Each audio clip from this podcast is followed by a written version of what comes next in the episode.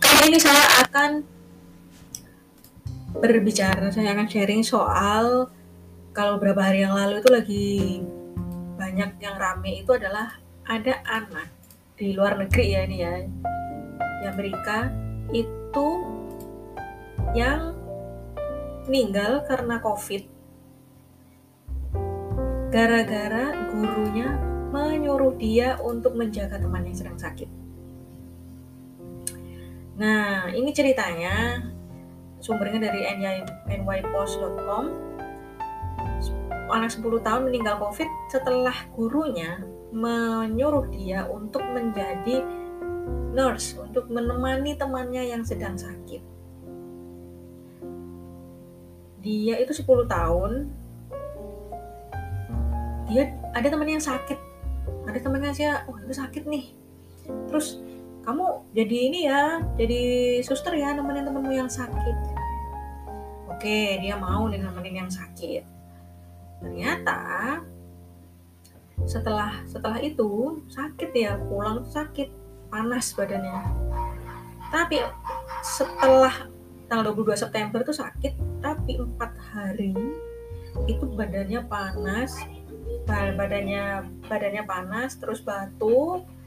Akhirnya batuk parah akhirnya ibunya bawa dia ke rumah sakit.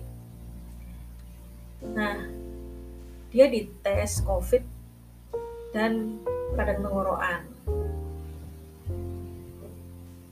Paru-parunya nggak apa-apa, tapi sehari setelah itu dia berhenti bernafas.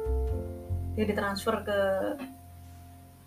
rumah sakit lain dan ternyata itu positif virus COVID. Padahal ibunya ini sudah dia dia nggak nggak disekolahin naik ya apa nggak berangkat naik kendaraan umum dia udah anter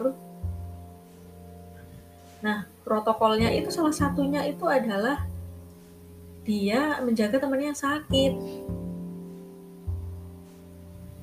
Nah itu melanggar protokol sekolah. Kalau misalnya dilihat si anak ini ya anak ini anak Amerika nih dari Virginia. Apa pun ya kalau meskipun anak ini orang oh, ini ternyata gemuk orang ini ternyata bisa soal apa COVID itu bisa merenggut anak-anak. Dan jangan terlalu pede kalau ah, anakku mah sehat. Ada namanya viral loop di sana. Mana nih kita bisa menyikapi aduh khawatir juga ya. Kembali lagi ke protokol yang seharusnya sebisa mungkin ini anak ini dari sisi anak itu nggak ada komorbid. Anak paham prokes yang benar. Nggak ada komorbid itu itu juga macem-macem ya. Nggak ada komorbid. Jangan dianggap karena kamu dites anaknya nggak pernah sakit itu komorbidnya nggak ada. Coba kalau misalnya dites mineral kadar mineral dan vitamin itu bisa jadi juga kekurangan gizi. Karena nggak kelihatan ya kan? Kadang kita nggak mau karena kita nggak tahu kelihatan sehat kok. Orangnya nggak gemuk anaknya sehat nggak pernah sakit. Belum tentu itu juga dia kondisinya juga lagi bagus gitu kan yang kedua anak paham prokes dengan benar dan disiplin. Bisa protes kalau ada yang prokesnya nggak benar. Dia tahu caranya pakai masker kapan dia harus cuci tangan jaga jarak itu seperti apa ya kan? Dalam keadaan tidak sakit dan bergejala ini penting nih. Jangan masukkan anak pada saat sakit. Bukan masalah si anaknya itu nggak anaknya itu ya. Ini masalahnya anak orang lain. Nah kayak kejadian ini nih itu juga disayangkan selain gurunya yaitu orang tua kenapa memasukkan anak yang sedang sakit ke sekolah dengan alasannya just hanya flu biasa ya oke okay lah di anak anak lu nggak nggak apa-apa nggak akan jadi apa-apa. Tapi di anak orang lain itu bisa jadi anaknya meninggal. Hanya karena kesalahan masukkan anak di sekolah pada saat kondisinya sedang sakit.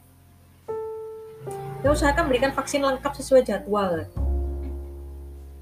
Terutama vaksin COVID ya kalau misalnya dia di atas 12 tahun vaksin COVID. Maskernya juga harus benar nih boleh kok buka masker kalau dia tahu di luar ruang filtrasi bagus jaga jarak nggak ada orang di sekitar sana nggak masalah.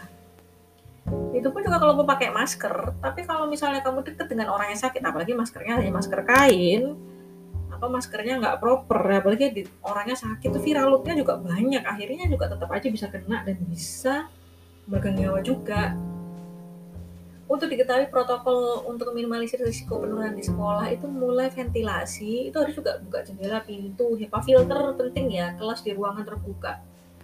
Durasinya juga jangan terlalu lama. Harus jaga jarak menghindari kontak fisik barang bersama rajin cuci tangan nggak ada ekskul olahraga itu juga itu semua di sekolah yang tadi itu juga dilakukan semuanya. Apalagi dengan kondisi yang di sana COVID-nya udah terkendali ya dengan vaksinasi pasti yang bagus gitu. Kemudian juga sistem bubble mengurangi resiko penularan kelompok kecil aja gurunya dan muridnya punya komorbid apa enggak, siapa ini yang punya komorbid, dan tingkat pengetahuan kepatuhan protokol COVID dari semua yang terlibat termasuk kejujuran.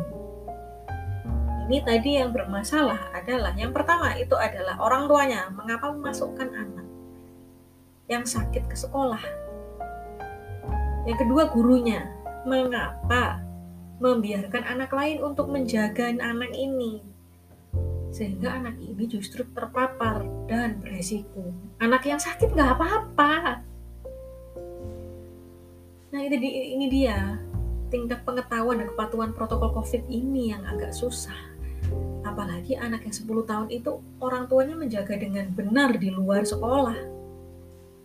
Tapi ternyata di sekolah lepas hanya karena gurunya dan hanya karena keegoisan orang tua lain terhadap anaknya. Sebenarnya kalau ventilasinya bagus ya durasinya nggak terlalu lama itu orangnya juga nggak banyak nggak apa-apa. Risikonya akan rendah. Kalau pakai masker juga jadi risiko sedang ya. Kalau ventilasinya tertutup jadi risiko sedang gitu. tapi kalau ventilasinya buka pakai masker risikonya akan rendah tapi resiko itu bisa jadi paling tinggi saat kelas udah nggak ada ventilasi dan ada yang sakit di sana. Karena bisa berbicara, bisa berteriak dan produksi banyak droplet. Apalagi ada yang yang sakit ini tidak pakai masker.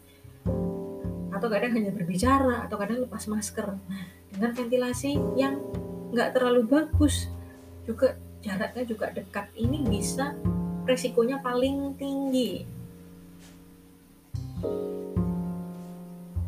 kalau udah nggak pakai masker juga belum divaksin bisa menularkan banyak sekali orang di sana terutama kalau jaraknya deket ya. Ada salah satu kasus di SD di California seorang guru dengan COVID-19 tanpa varian Delta mengajar tanpa masker dan belum divaksin. Akhirnya menurunkan 50% murid dalam kelasnya. Penularan tertinggi pada dua baris kursi paling depan. Nah ini Makanya pada saat uji coba PTM itu tanya kepada anak-anak yang lain apakah ada yang batuk pilek, apakah ada yang buka masker dalam ruangan, apakah ada yang bersin lepas masker di dalam ruangan, apakah ada kontak fisik jabat tangan atau pegang muka, murid ke murid atau guru ke murid di ruangan. Ini penting ya untuk pemahaman antara murid dan guru dan juga semua orang yang ada di sekitar sana cek saat anda jemput anak ada jabat tangan nggak? Masker murid dan guru dipakai sempurna nggak? Apa ada yang bergejala atau apa ada yang berkerumun? Kita harus cek pastikan protokol itu memang benar. Pastikan memang guru murid dan semua pihak itu memang paham soal ini. Karena apa? Karena bisa jadi anakmu nggak apa-apa tapi anakmu menularkan ke orang lain. Atau kebalikannya. Anak orang lain nggak apa-apa anakmu kenapa kenapa padahal kamu udah siap-siap udah udah bagus-bagus nih protokol di rumah udah bagus. Hanya karena kesalahan. Ketidaktahuan atau keabayan satu orang beberapa pihak akhirnya satu orang ini meregang nyawa. Walaupun dia bilang oh itu udah takdir. Tapi zolimnya itu jangan salah zolimnya itu yang susah. Dan itu pemahaman seperti itu tuh harus semua orang yang ada di sekolah harus punya pemahaman yang sama resiko tuh akan tetap ada tapi meminimalkan resiko itu juga harus diperhatikan jadi untuk memasukkan anak ke sekolah itu pastikan adalah orang tua murid, orang tua, murid, murid, dan guru itu juga sekolah paham soal protokol kesehatan, paham soal prokes, dan paham soal mitigasi resiko. Dan mereka harus disiplin. Itu. Harus disiplin. Kalau ada satu aja yang nggak disiplin, itu resikonya juga akan jadi meningkat. Resiko meningkat tuh belum itu ada korban ya, tapi itu bisa jadi nanti-nanti juga akan ada cluster akan ada yang jadi korban gitu. Jadi kita nggak mau kan anak kita jadi korban atau anak orang lain pun jadi korban gara-gara anak kita. Lebih baik kita meminimalisir resikonya ya sekian podcast dari saya. Semoga bisa diambil hikmahnya. Tetap protokol tetap jaga anak kita. Tetap hindari kerumunan vaksin jika sudah ada waktunya vaksin silahkan vaksin. Tetap jaga imun tetap lakukan aktivitas dengan tetap menetapkan protokol kesehatan yang benar dan disiplin. Semoga kita selalu sehat-sehat di dunia Allah Subhanahu wa taala. Sampai bertemu di podcast selanjutnya. Semoga bermanfaat. Wassalamualaikum warahmatullahi wabarakatuh.